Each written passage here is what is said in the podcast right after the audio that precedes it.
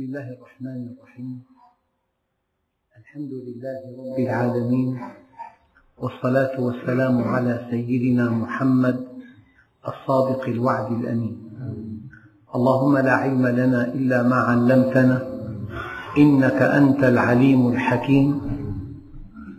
اللهم علمنا ما ينفعنا وانفعنا بما علمتنا وزدنا علما. وأرنا الحق حقا وارزقنا اتباعه.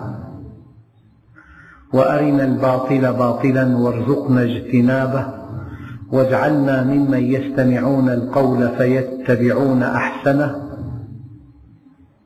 وأدخلنا برحمتك في عبادك الصالحين. أيها الإخوة المؤمنون مع الدرس الأربعين من دروس سورة آل عمران ومع الآية السادسة والأربعين بعد المئة.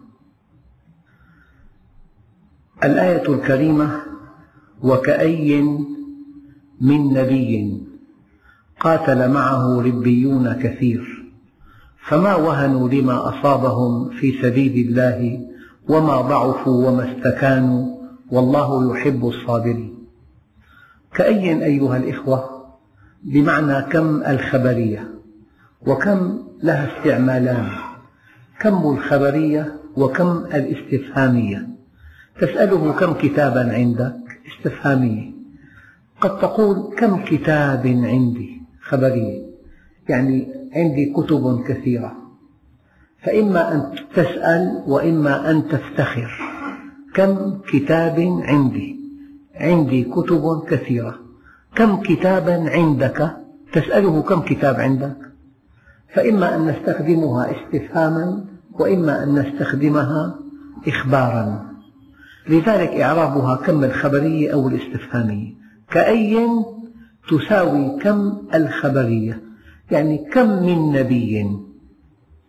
يعني ما أكثر الأنبياء الذين قاتل معه ربيون كثير الربي هو الرباني الإنسان الذي عرف الله فأخلص له.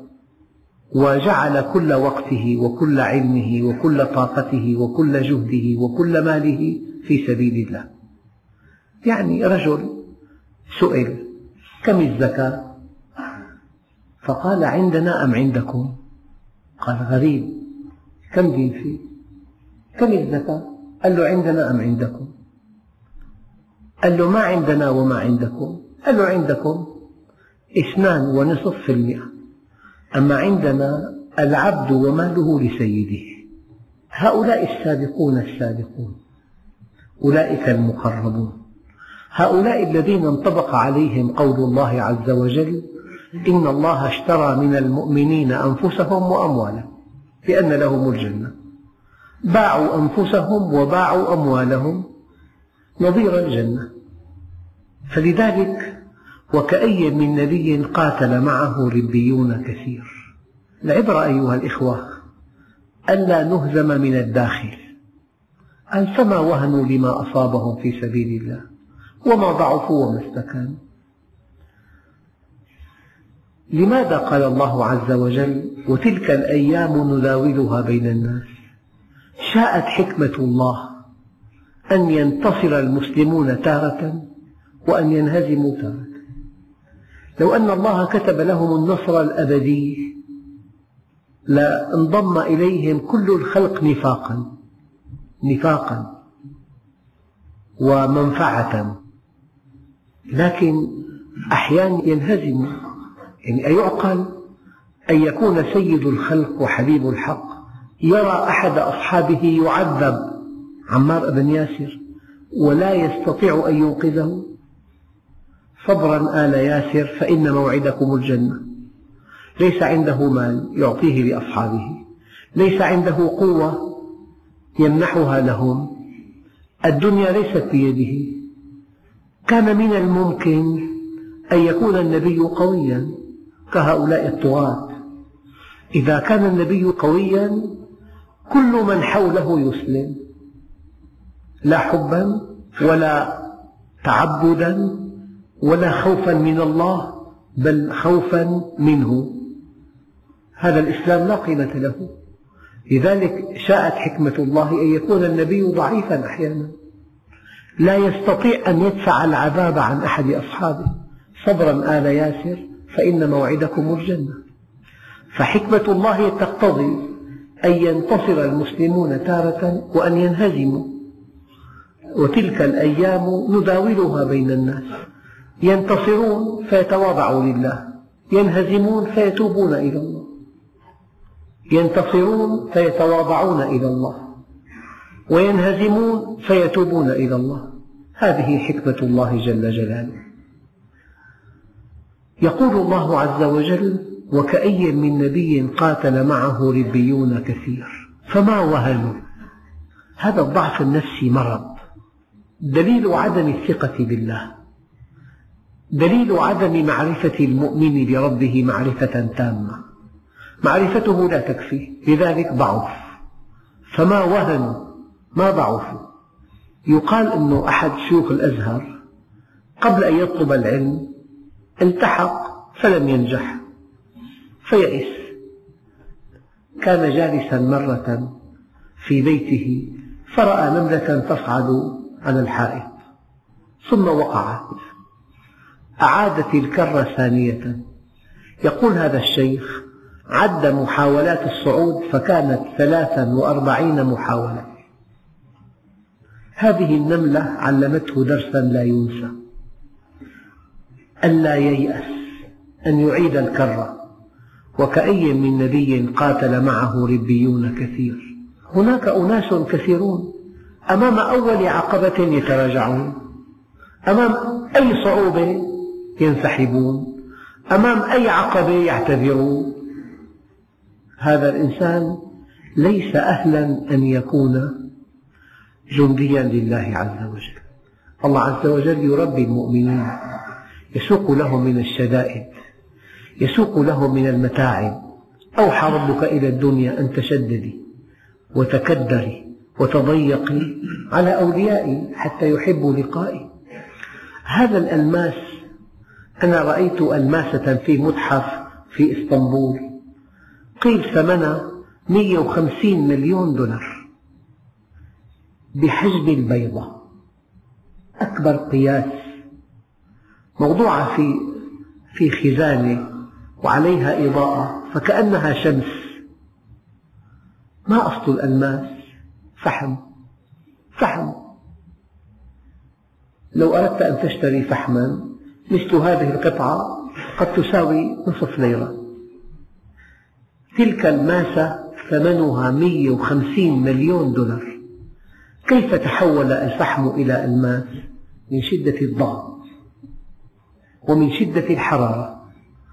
الفحم إذا ضغط ضغطا لا حدود له وأصابته حرارة عالية جدا يصبح ألماس. الآن هناك ألماس صناعي. تقريبا يشبه الألماس الطبيعي لكن على الاستعمال يخبو وهجه ووضاءته تخبو. إذا الضغط الشديد والحر الشديد يقلبان الفحم إلى ألماس. هذا مثل مادي. وأنت أيها المؤمن أحيانا الضغط يأدبك. ما هذا الأدب يا رسول الله؟ قال أدبني ربي فأحسن تأديبي. هذا الذي تراه أديبا ساق الله له من الشدائد ما لا يعد ولا يحصى. حتى أصبح دقيقا منضبطا أديبا متواضعا رحيما وقافا عند كتاب الله. فالعبرة لا أن تنجو من الامتحان لكن العبرة أن تنجح في الامتحان. كلام دقيق. ليست العبرة أن تنجو من امتحان. العبرة أن تنجح في الامتحان. فكأي من نبي قاتل معه ربيون كثير. وكأي من نبي قاتل معه ربيون كثير. فما وهنوا أيام الإنسان تخور قواه. يهبط. يحبط. ييأس. يستخزي. يخضع. يلين. لا. الله معكم. ولن يتركم أعمالكم.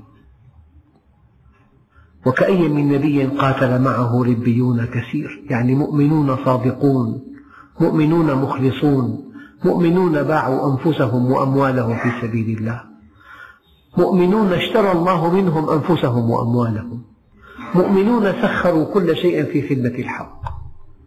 قال فما وهنوا لما أصابهم في سبيل الله.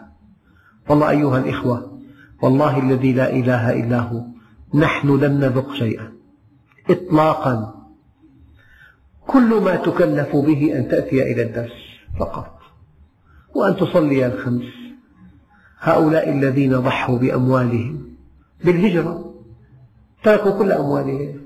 هلا إنسان ساكن في بلد له بيت له مركبة مكتب تجاري معه رصيد في بيته فرضا. يذهب بثيابه إلى بلد بعيد. لا عمل ولا بيت ولا مكتب ولا أهل هذه الهجرة. اقتلاع من الجذور هؤلاء أصحاب رسول الله. ضحوا بأموالهم. ضحوا بأنفسهم. وضعوا أرواحهم على أكفهم في الجهاد في سبيل الله. يعني قطعت يده اليمنى فحملها باليسرى. قطعت اليسرى فحملها بعضديه حتى قتل في سبيل الله. سيدنا جعفر. واحد أصبعته جرحت. يحتاج لاصق طبي وتعقيم وإبرة ضد الكزاز وقلق لجرح أصابه طفيف. أعرابي أسلم. ثم كانت غزوة فشارك فيها. فانتصر المسلمون أعطي الغنيمة قال ما هذه؟ قالوا هذه غنيمة. قال ما على هذا أسلمت؟ أنا أسلمت على الذبح. على هذا أسلمت فنحن والله ما قدمنا شيئا. والله نحن تمتعنا بالإسلام. نحن الإسلام رفعنا. الإسلام حملنا. لكن أصحاب رسول الله حملوا الإسلام. وجاءوا به إلينا. تجسموا المشاق. رأت أنصارية أباها مقتولا في المعركة. ثم رأت ابنها. ثم رأت أخاها. ثم رأت زوجها وتقول ما فعل رسول الله. ما فعل؟ إلى أن رأته واطمأنت على سلامته قالت يا رسول الله كل مصيبة بعدك جلل. تهون يعني.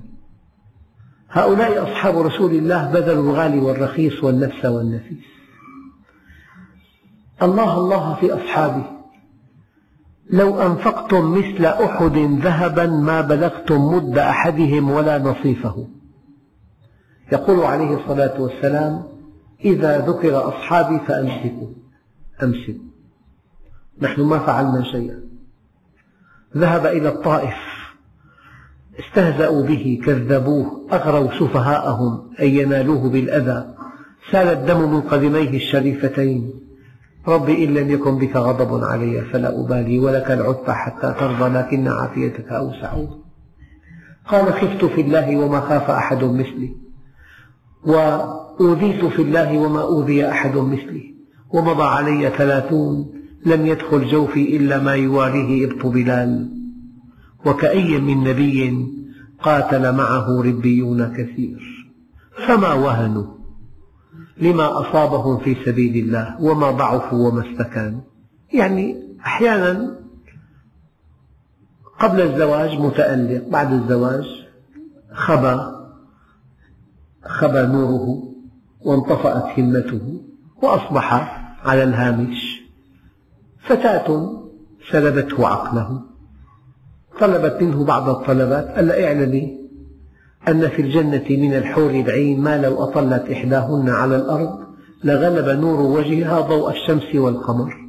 فلأن أضحي بك من أجلهن أهون من أن أضحي بهن من أجلك. على ماذا عاهد أصحاب رسول الله رسول الله؟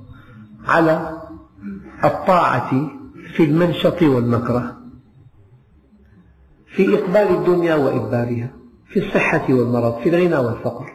من المؤمنين رجال صدقوا ما عاهدوا الله عليه فمنهم من قضى نحبه ومنهم من ينتظر وما بدلوا تبديلا. الثبات نبات. تلاقي أخ التزم خلص انتهى هذا وقت الدرس. التزم غض البصر التزم ضبط اللسان التزم تحرير الدخل. خلاص انتهى الأمر. عاد خالق الكون. أما يقبل ويدبر يتقدم يتراجع. أخ زعله ترك الجامع. فلان زعلني. ما فيني أشوفه بالجامع شعار والله. لأتفه سبب يتراجع. لأتفه سبب ينتكس لأتفه سبب يقصر لأتفه سبب يلغي الدرس كله. لو جاءه ضيف ثقيل قبل الدرس أستحي منه. أدعي للدرس. أحب الأعمال إلى الله أدومها وإن قل. أحب الأعمال إلى الله أدومها وإن قل. كان عليه الصلاة والسلام كان عمله دينة. دائم. المؤمن الصادق ببرمج حياته وفق منهجه الديني. يعني أمور تؤدى في الوقت الفارغ. أما أن يجعل منهجه الديني على الفضل على الهامش هذا مستحيل. وكأي من نبي قاتل معه ربيون كثير فما وهنوا لما أصابهم في سبيل الله وما ضعفوا وما استكانوا. الاستكانة أن تكون مستخزيا أمام قوي متذللا أمامه خانعا أمامه خائفا منه تنسى أن الله معك. وقال موسى إنا لمدركون. قال كلا إن معي ربي سيهدين. إذا كان الله معك فمن عليك وإذا كان عليك فمن معك. فما وهنوا؟ أي ما ضعفوا؟ لما أصابهم في سبيل الله. قال هل أنت إلا إصبع دميت وفي سبيل الله ما لقيت؟ المؤمن هدفه كبير في سبيل هذا الهدف يضحي بكل شيء. فما وهنوا لما أصابهم في سبيل الله؟ وما ضعفوا؟ وما استكانوا؟ يعني ما تذللوا للعدو ولا وقفوا موقفا ضعيفا أمامه. ولا رجوه ولا استخذوا. والله يحب الصابرين.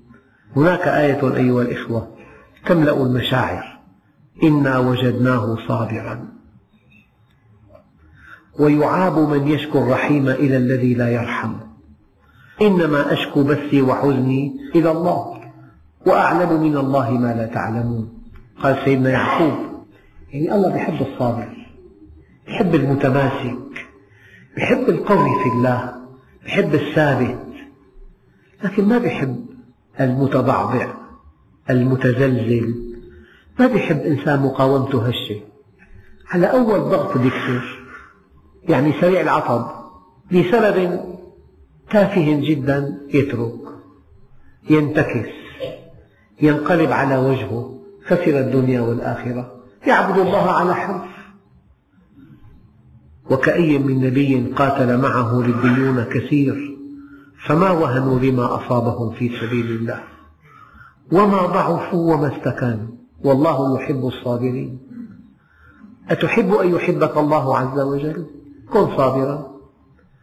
واصبر لحكم ربك. لو كان حكم الله واضحا لا يحتاج إلى صبر. لو قال لك طبيب الأسنان أنت لا يناسبك المخدر. لا بد من قلع هذا السن بلا مخدر. واضح لصالحك لصالح قلبك. المخدر يؤذي القلب. قلبك ليس قويا لا يحتمل المخدر. لا بد من قلع هذا السن بلا مخدر. الأمر واضح جدا. هذا لا يحتاج إلى صبر. لكن الأمر الغامض يحتاج إلى صبر. قد يكون الإنسان مستقيما وتأتيه مصيبة هنا الصبر. الحكمة غير واضحة أمامه وكلما اتضحت الحكمة ضعف الصبر. وكلما غابت عنك الحكمة ارتفع ارتفع الصبر. أنت بحاجة إلى صبر. واصبر لحكم ربك فإنك بأعيننا. والله يحب الصابرين. أتمنى على بعض الإخوة الكرام أن يقرأ القرآن الكريم قراءة تصنيفية. الله يحب ماذا؟ يحب الصابر يحب الشاكر يحب المتقي يحب الصادق يحب التواب يحب المتطهر. يعني محبة الله بين يديك أسبابها بين يديك. محبة الله مقننة. أنا قانون.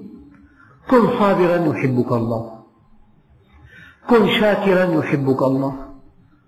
كن متطهرا يحبك الله. كن توابا يحبك الله. وما كان قولهم إلا أن قالوا. ما كان قولهم إلا أن قالوا. ربنا اغفر لنا ذنوبنا.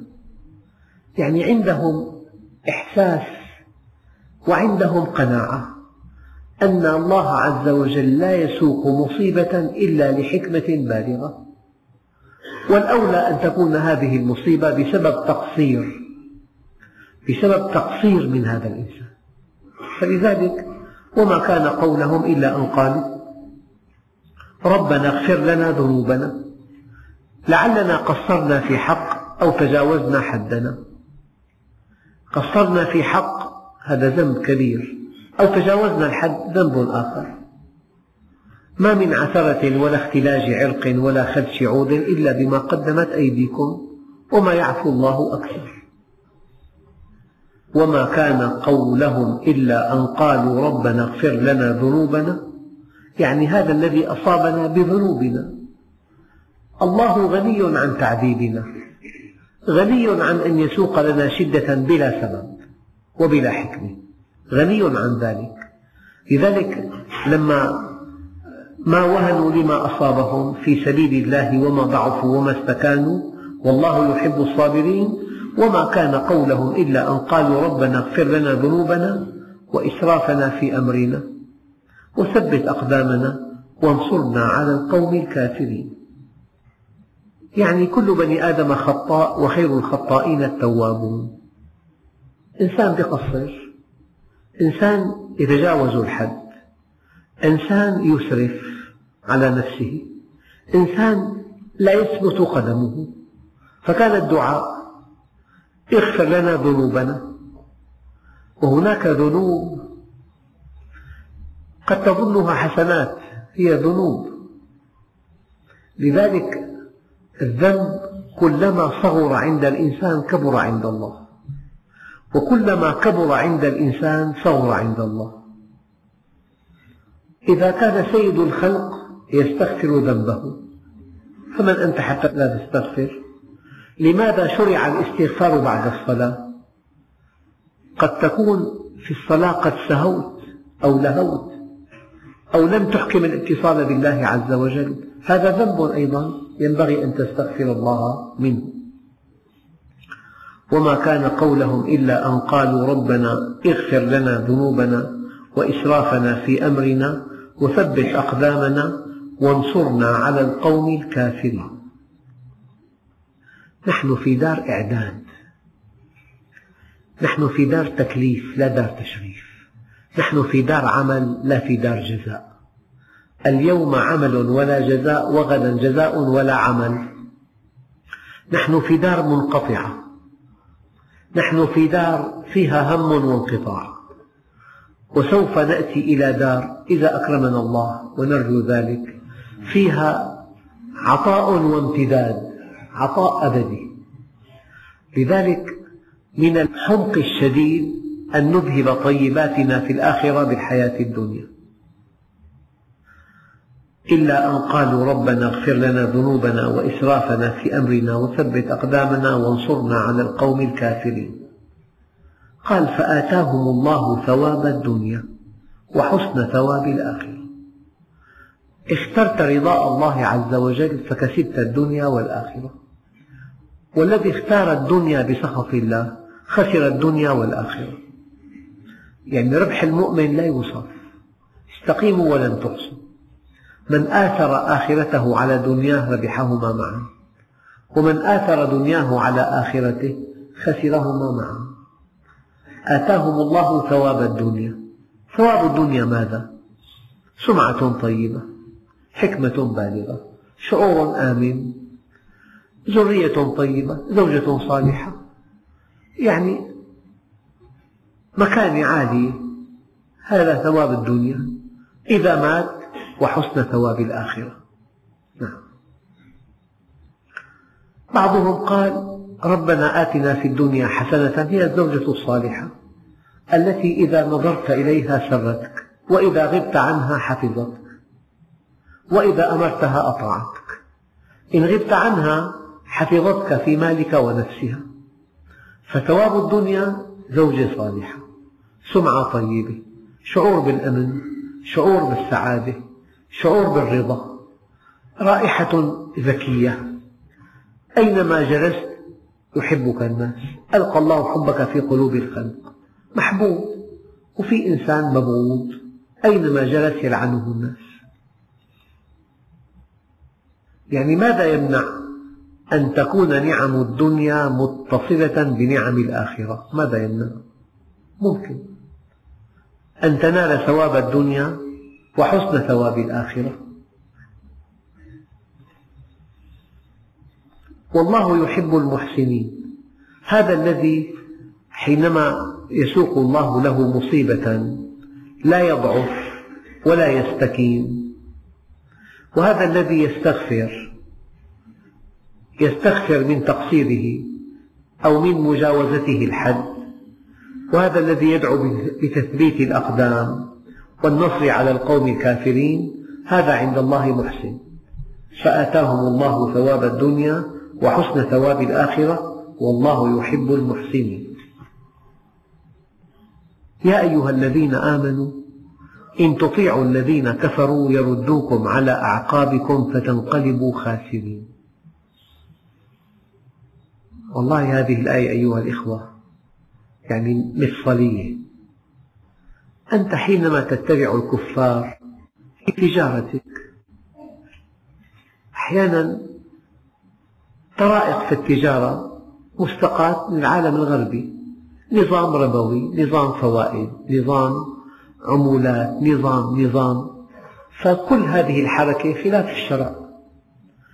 أنت حينما تقلد الغرب تطيعه. أحيانا تطيعه في تربية أولادك. تؤمن بالاختلاط؟ يعقل أن تسمح لبناتك أن يكن مع شباب وهن في سن الشباب مع شباب بدافع الانفتاح والحضارة والمرونة والثقة بالبنت. أنت بهذا تقلد الأجانب؟ دقق أعراس مختلطة. وإذا ما في اختلاط يجب أن يقف العريس أمام النساء الكاسيات العاريات. هكذا التقاليد. نمط غربي. يعني في أفراحنا في أتراحنا في كل شؤون حياتنا نقلد الأجانب. حتى نقلدهم يعني معمل. كان يحقق أرباح عالية جدا بأعماله الصالحة بإحسانه بصدقاته بزكاته. الآن يدفع كل هذه المبالغ للإعلانات.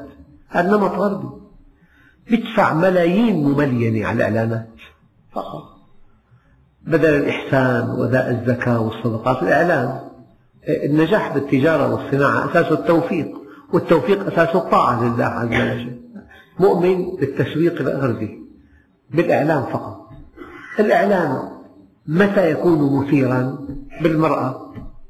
إذا لا بد من امرأة كاسية عارية مع هذه البضاعة. هذا التسويق الغربي الأجنبي.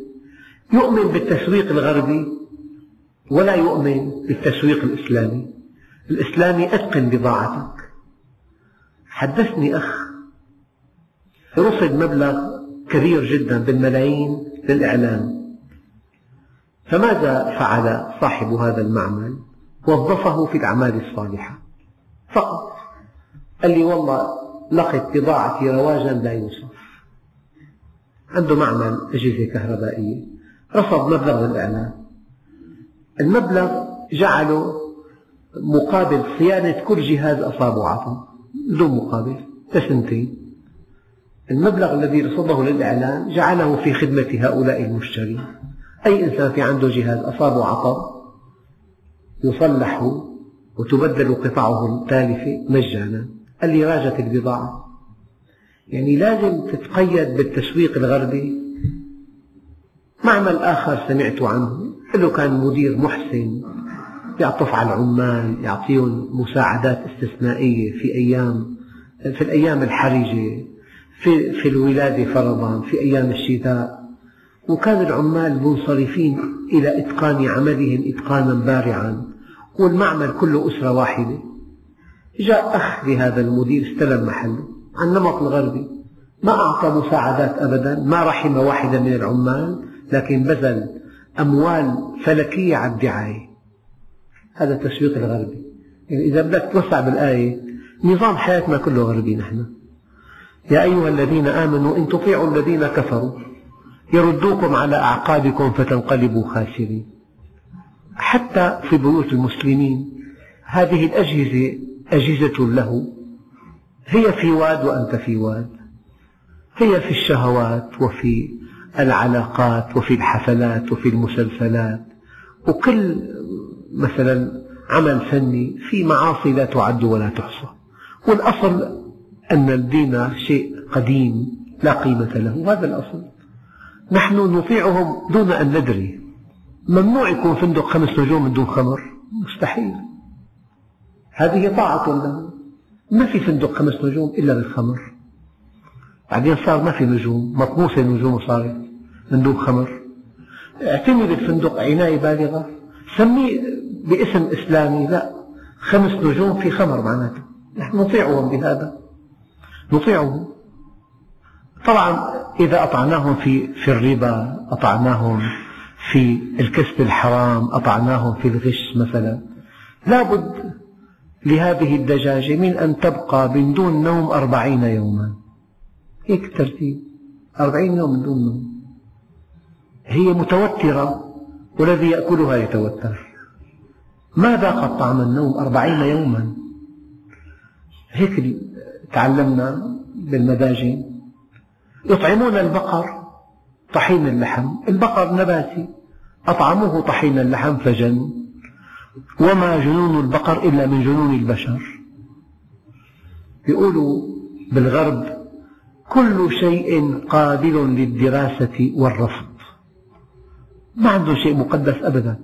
نحن في عنا منهج عنا أصول الذبح أصول الطعام.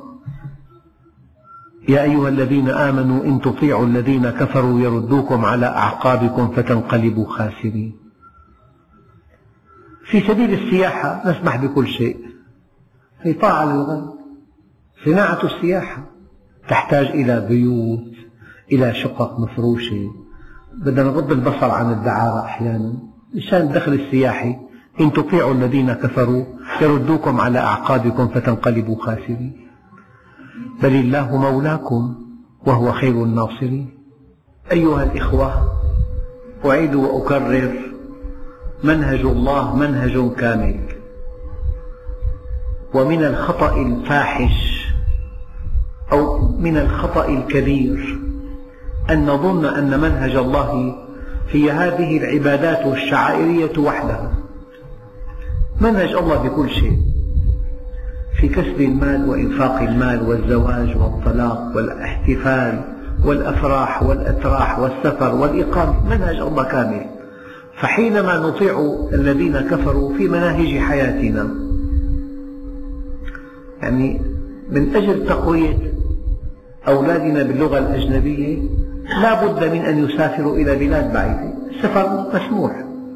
أما أن يسكنوا مع أسرة متفلتة واحتمال أن يعود الابن زانيا ما في مشكلة لكن قوي بالإنجليزي. هي مشكلة كبيرة جدا. يجب أن ننشئ معاهد في بلادنا للتقوية. أما أن نضحي بأخلاق أولادنا من أجل آه، تعلم اللغة مشكلة كبيرة جدا. فنحن ينبغي أن نأتي بالبدائل لكل شيء البدائل الإسلامية لكل شيء. أما أن نفهم الدين فقط صوم وصلاة وحج وزكاة أما في شؤون الدنيا كالنمط الغربي هذا تنطبق عليه هذه الآية. يا أيها الذين آمنوا إن تطيعوا الذين كفروا يردوكم على أعقابكم فتنقلبوا خاسرين. يعني المرأة حينما خرجت إلى العمل وانغمست في العمل. وفقد الأولاد الأم المربية. ماذا حصل؟ حصل خطأ كبير جدا. يدفع الآباء الآن ثمنه حصل خطأ كبير. لست ضد العمل. أما العمل المشروع ما في مانع. أما عمل على حساب دين المرأة أو على حساب استقامتها أو على حساب عفتها.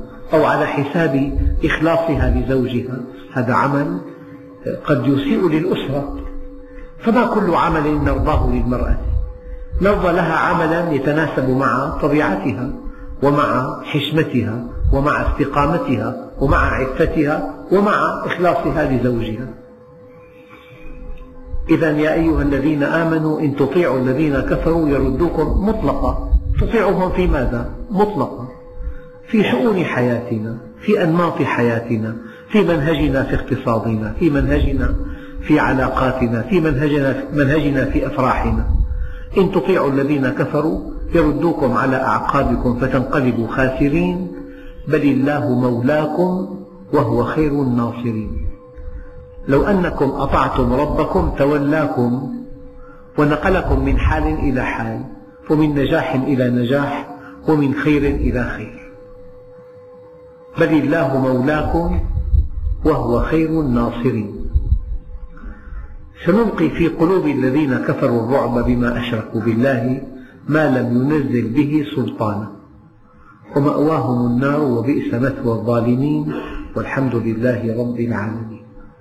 في أخ سأل سؤال وجيه أنا ذكرت في الخطبة اليوم أنه يستحيل على الله عز وجل أن يقول في قرآنه كلاما لا معنى له أو أن يقول في قرآنه كلاما لا يعنيه أو أن يخوفنا أو أن يبالغ في قوله.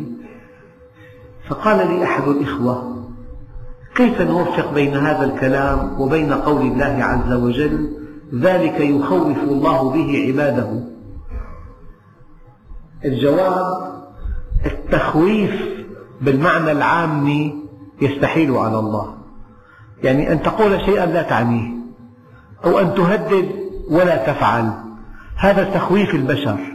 لخوفت لكن إذا الله خوف يعني ذكر الحقيقة ذكر ما سيكون. هذا تخويف في المعنى القرآني هذا على العين والرأس الله عز وجل يذكر ما سيكون في النار. هذا تخويف حقيقي. أما التخويف في المعنى العام أنني أبالغ وأقول ما لا أفعل. لخوفته هيمنت عليه هذا معنى لا يصح أن ينسب لله عز وجل. هذا هو الجواب. قال زوجتي لا تقيم وزنا لطلباتي الشخصية وهي هنا أرجو إبداء النصيحة لها. قدمي له طلباته الشخصية. نعم. طيب. شو هالطلبات؟ معقولة غير معقولة؟ نعرف شو الطلبات نحن. وفق الشرع بخلاف الشرع ما نعرف نحن. كلام عام هذا. لكن إذا صلت خمسها وصامت شهرها وحفظت نفسها وأطاعت زوجها دخلت جنة ربها معنى طاعة زوجها ربع دينها. لكن لا طاعة لمخلوق في معصية الخالق. إذا طلب منها أشياء معقولة. طلب منها أن تؤدي واجبها تجاه زوجها. وعصته تعد آثمة وقد فقدت ربع دينها. وأيما امرأة ماتت وزوجها عنها راض مو أي زوج طبعا. الزوج المؤمن. ما في زوج فاسق لا يرضى عنها إلا بالمعصية. أيما امرأة ماتت وزوجها عنها راض دخلت الجنة. كيف يكون المؤمن في سكينة وهو عليه أن يخاف الله دائما أو أن يخاف من النار؟ حينما يلقي الله في قلب المؤمن السكينة هذا لا يتناقض مع خوفه من النار. في بالإيمان جماليات لولاها لما سار أحد في طريق الإيمان. الله عز وجل بيقرب بيتجلى بيطمئن إذا في تقصير بخوف فالمؤمن بخاف من النار فإذا اتقى النار يطمئن. طبعا إذا اتقى النار يبقى قلقا لا يطمئن. نوعا من الاطمئنان. فإذا قصر يقلق فيجتمعان لا يتناقضان. والحمد لله رب العالمين.